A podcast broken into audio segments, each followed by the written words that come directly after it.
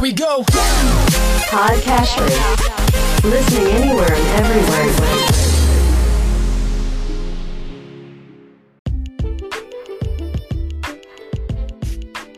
Welcome to Weekly Investment Podcast bersama saya Ferdian Syahputra dari Ispring Investment Indonesia untuk Prudential Indonesia.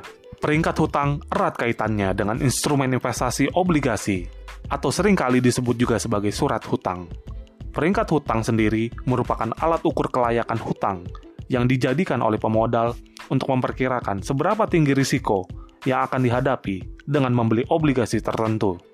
Peringkat hutang juga menentukan suatu perusahaan atau negara bisa mendapatkan pendanaan dari penerbitan obligasi atau tidak, dan seberapa besar imbal hasil yang harus dibayarkan agar dapat diterima investor.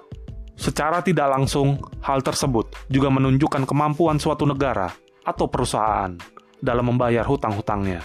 Peringkat hutang dikeluarkan oleh lembaga yang secara khusus bertugas memberikan peringkat atas semua obligasi yang diterbitkan perusahaan dan umumnya lembaga pemeringkat utang yang mendapat izin dari pemerintah Indonesia hanya memeringkat perusahaan-perusahaan yang beroperasi di Indonesia.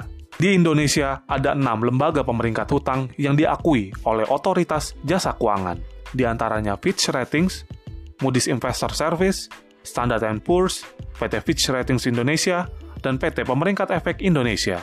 Sementara peringkat hutang terhadap kemampuan dalam membayar hutang suatu negara dilakukan oleh suatu lembaga pemeringkat yang mendapat pengakuan internasional, seperti Standard Poor's, Fitch Ratings, Moody's Investor Service, Japan Credit Rating Agency, dan Rating and Investment Information Service.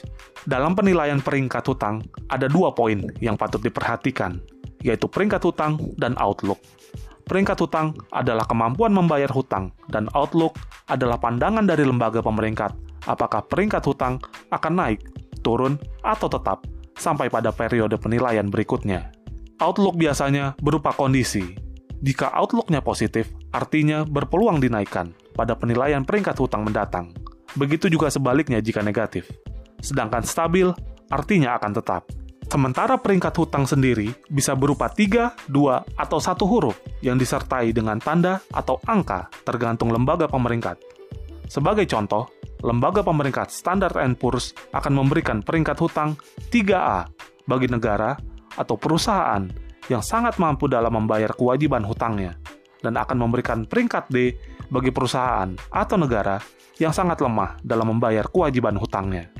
Di samping itu, lembaga pemeringkat juga akan mengkategorikan apakah sebuah negara atau perusahaan masuk ke dalam kategori investment grade atau non-investment grade.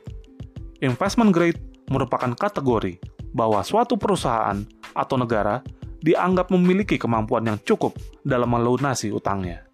Sehingga bagi investor yang mencari investasi yang aman, umumnya mereka memilih peringkat hutang investment grade. Sedangkan non-investment grade adalah kategori bahwa suatu perusahaan atau negara dianggap memiliki kemampuan yang meragukan dalam memenuhi kewajibannya. Perusahaan yang masuk kategori ini, atau negara sekalipun, biasanya cenderung sulit memperoleh pendanaan. Lalu bagaimana dengan peringkat hutang obligasi negara Indonesia saat ini? Saat ini, Indonesia kini memiliki peringkat hutang layak investasi atau investment grade yang diberikan oleh tiga lembaga pemeringkat hutang internasional, yaitu Moody's, Standard Poor's, dan Fitch. Pemberian peringkat hutang layak investasi dapat memberikan pengaruh terhadap kemampuan Indonesia dalam menarik investor luar dan mengurangi biaya pinjaman, dan tentunya akan memberikan dampak positif bagi investor asing yang akan menganggap negara Indonesia menjadi negara yang layak investasi, dibandingkan dengan negara yang hanya menjadi tujuan spekulasi saja. Selanjutnya, investor asing akan semakin memberikan kepercayaan untuk memasukkan dana investasi, yang pada akhirnya akan berkontribusi dan mendorong pertumbuhan ekonomi, terutama jika dana investasi yang sifatnya lebih jangka panjang. Masuknya dana asing diharapkan dapat mendongkrak harga obligasi dan juga saham.